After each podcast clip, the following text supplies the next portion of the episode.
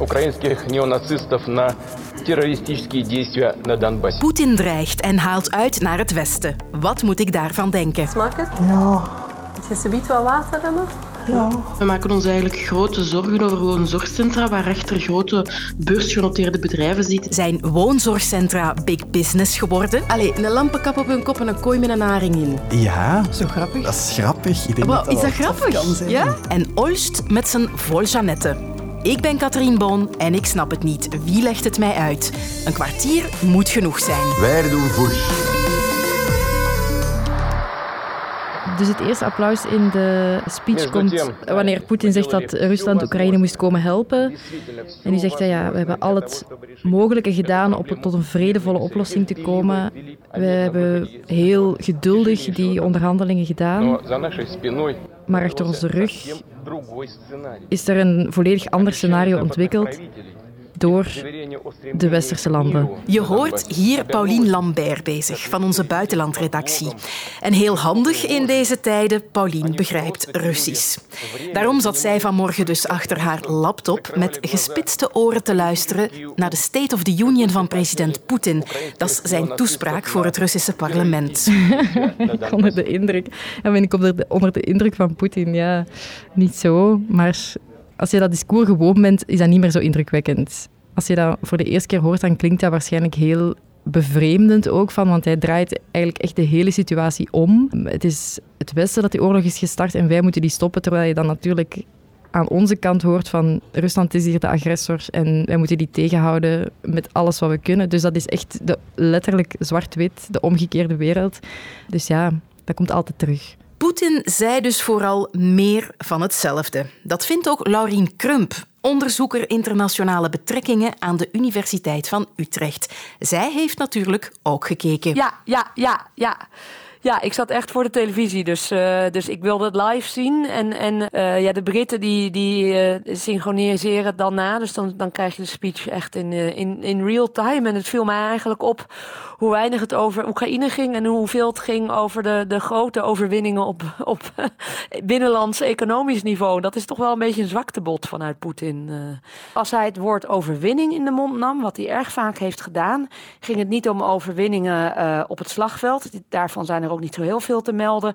Maar had hij het over binnenlandse overwinningen. En dan ging het over relatief kleine zaken. Zoals het feit dat iedereen een gasfornuis kon krijgen van de overheid. Of ho- hoe het met kindercrashes gesteld was. En mijns inziens toont dat bij, eh, wel aan dat dit eigenlijk een eh, Russische president is. Die enorm eh, in het nauw gedreven is. En die, die kleine economische succesjes als grote overwinningen moet verkopen. Omdat er eigenlijk over het slagveld niet zoveel positiefs te melden valt vanuit Russisch perspectief. Maar toch kwam er ook dreigende taal van Poetin. Ja, wat wel opmerkelijk was, is dat het venijn eigenlijk in de staart zat. En dat Poetin pas op het einde van de toespraak zei dat hij het eh, New Start-verdrag, dat is een nucleair verdrag tussen de Verenigde Staten en Rusland, wilde opzeggen. Nou, het zou kunnen betekenen eh, dat Rusland eh, een stapje dichter bij een, een mogelijke nucleaire aanval eh, komt. Hè, met, tactische nucleaire wapens, met name als het bestaansrecht van Rusland in het geding komt. Dat zou bijvoorbeeld kunnen zijn als het over de Krim gaat. Anderzijds heeft Poetin er wel bij gezegd dat Rusland niet als eerste naar een nucleair wapen zou grijpen. En dat doet toch vooral vermoeden dat het een eh, symbolische daad is om te laten zien dat de betrekkingen tussen Rusland en de Verenigde Staten non-existent zijn. En die speech van Poetin is niet het eerste wapenfeit in de carousel van de internationale politiek deze week. De Amerikaanse president Biden bracht al een verrassingsbezoek aan Kiev. Thank you very much for coming, Mr. President. Kiev stands. Democracy stands. The Americans stands with you, and the world stands with you. Ja, dat bezoek was natuurlijk buitengewoon belangrijk. Het laat eh, Rusland zien dat de steun van het Westen en Amerika richting Oekraïne bepaald niet eh, afneemt. Zoals Poetin graag had willen doen voorkomen. Vanavond staat er ook nog een eh, toespraak van president Biden in Polen op het programma. En is het natuurlijk van belang dat die toespraak op Pools grondgebied plaatsvindt in de oostflank van de NAVO. En Biden zal dan ook zeggen dat de VS en de NAVO het NAVO-grondgebied tot de laatste millimeter zullen verdedigen. Het diplomatieke spel zit dus weer helemaal op de wagen. En een jaar na het begin van de oorlog lijkt het einde nog niet in zicht. Eigenlijk lijkt de onderhandelingstafel uh, buiten beeld verdwenen. Wat je ziet is dat er toch voornamelijk vanuit het Westen wordt gekoerst op uh, meer militaire steun om Oekraïne te helpen de Russen te verdrijven. Maar ik denk wel dat het Westen nu deze week gebruikt om zich echt te verenigen achter Zelensky en te laten zien dat uh, de steun niet aflatend zal zijn. Ik verwacht dat na deze week, wanneer de schijnwerpers weer uh, ietsje, ietsje minder zijn, er ook vanuit westerse kant meer zal worden nagedacht over een exit-strategie. Maar het kan nog heel lang duren. Ik was vanmorgen aan het scrollen door de app van VRT Nieuws en toen kwam ik bij een open brief van mensen uit de zorgsector. En bij de namen onder die brief zag ik onder meer Margot Kloet van Zorgnet Icuro. We maken ons eigenlijk grote zorgen over gewoon zorgcentra waar echter grote beursgenoteerde bedrijven zitten die eigenlijk totaal geen interesse hebben in zorg, maar die vooral winst willen opstrijken, onder andere via de verhuur van gebouwen. Vastgoed en woonzorgcentra. Wat hebben die twee met elkaar te maken? Jeroen Tribou is professor management en beleid van de gezondheidszorg aan de UGent.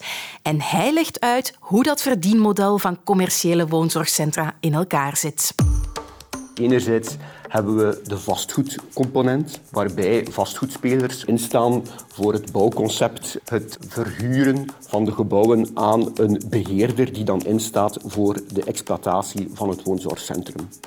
En daarnaast kom je dan tot de zorgexploitatie zelf, waarbij er ook commerciële spelers zijn die effectief op het beheer, op de uitbating van het zorgen, het uh, wonen en leven binnen een woonzorgcentrum ook een marge proberen te creëren door in te zetten op efficiëntiewinsten. Denk bijvoorbeeld aan personeel, maar ook voeding en zo verder. Dit gaat dus over de commerciële woonzorgcentra, maar dat zijn niet de enige die er zijn. Ik ga eens raad vragen aan collega Steven Dirks. Goedemiddag, Steven. Goedemiddag.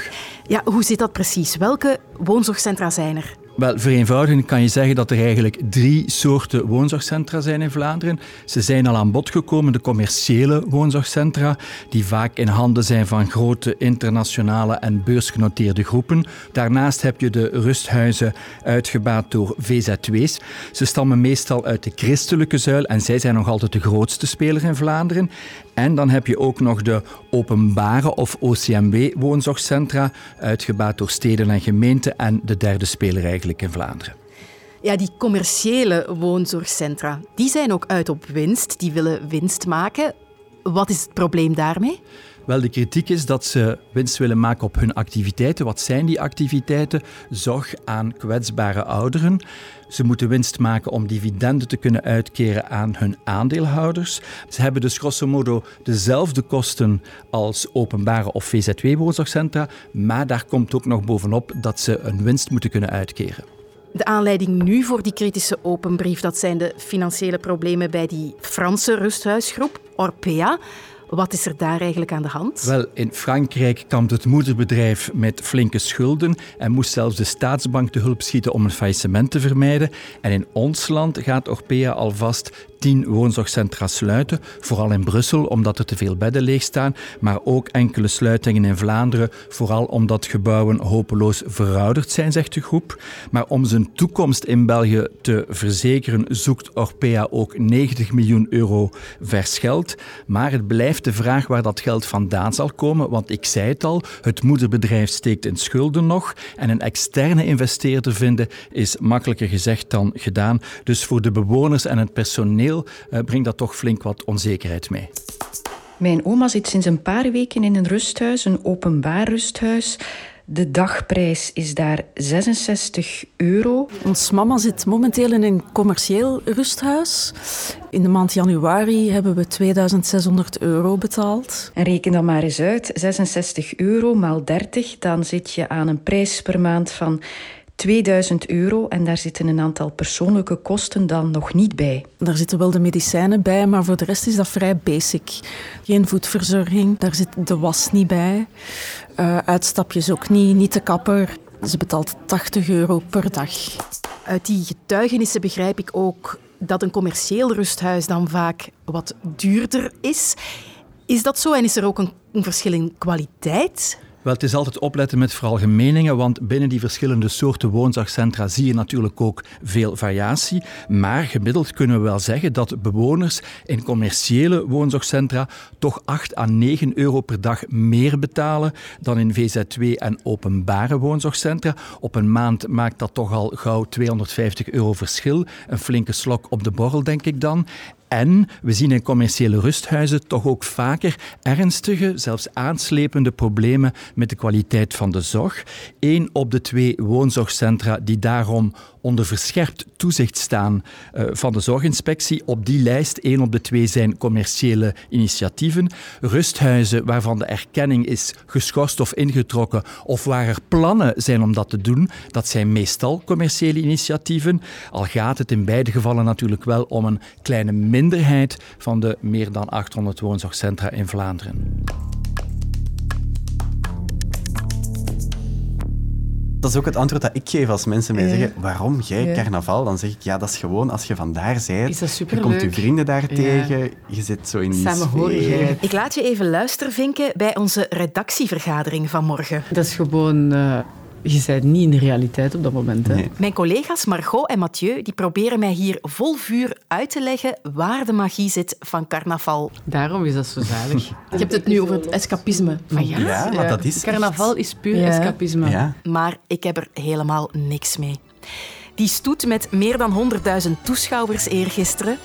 De Voile Jeannette, die op dit moment het centrum van Aalst inpalmen. Vrijdagen, zot zijn, en nu zo met iedereen lachen, met ons eigen lachen, en lachen met iedereen. Dat is carnaval. En dan straks nog de traditionele verbranding van de pop met de bijbehorende tranen. Ik wil dat graag snappen, maar ik voel het niet. En dus heb ik geprobeerd om vandaag, op de hoogdag van de Voile Jeannette, enkele echte exemplaren aan de lijn te krijgen. Hallo met Jonas. Mijn stem moet nog opwarmen, hè, Katrien, zoals dat je hoort. Ja, hallo. Hallo, het is gelukt precies. Ik ben uh, Kino Gunter en uh, een voice tot en met. Badje! Badje, het is de VRT. Hallo. Kunnen zij onder woorden brengen wat voice zijn precies betekent? Dus ik heb ik een lampenkapje op mijn kop. Hè. En ik heb ik, uh, een, een oevergoeier, dat is een vestgoed. Ken je dat als een vestgoed? Ja, ja een, schort, een schort eigenlijk. Ja, een schort. Ah, fantastisch. Hè, om die te weten met schone, schone woorden daarvoor. Hè. Voor mij is dat een, een heel duidelijk voorbeeld van ja, waar carnaval eigenlijk sowieso om draait. En dat is dat iedereen echt wel gelijk is. Dat je geen verschil meer ziet tussen een eh, CEO van een bedrijf, een advocaat een arbeider in een grote fabriek, maakt allemaal niet uit. Eerlijk gezegd, dat is aan de derde dag van carnaval, dus scherp zijn we niet meer. Maar toch, je moet dat je weer recht zetten, je verkliet je en je loopt als doet. En dat, is, dat gevoel, ja, dat is, dat is fantastisch. Ik ben niet van Aalst en ik heb dat nooit begrepen. Wat daar zo plezant aan is. Kan ik dat begrijpen als niet-Aalstenaar? Nou, ik vrees toch dat toch een beetje in uw DNA moet zitten. Zeg. Ik begrijp heel goed dat het moeilijk uit te leggen is voor buitenstaanders. Als je gewoon die beelden ziet en dat het eh, maar al te vaak herleid wordt tot een marginaal zuipfestijn, zoals je dan uh, soms wel eens durft te lezen. Maar er zit wel degelijk meer achter. Het mooie verhaal daarachter is dat, dat vroeger, lang geleden, voor de vastentijd, werden er feesten gegeven door rijke mensen. En de arme mensen die konden zich niet opkleden om naar zo'n feest, naar zo'n bal te gaan. En wat deden die toen? Ja, die, die gingen in de kleerkast kijken van hun vrouw. En wat daar hing, dat deden ze dan maar aan, omdat ze gewoon het geld niet hadden om mooie kostuums te kopen.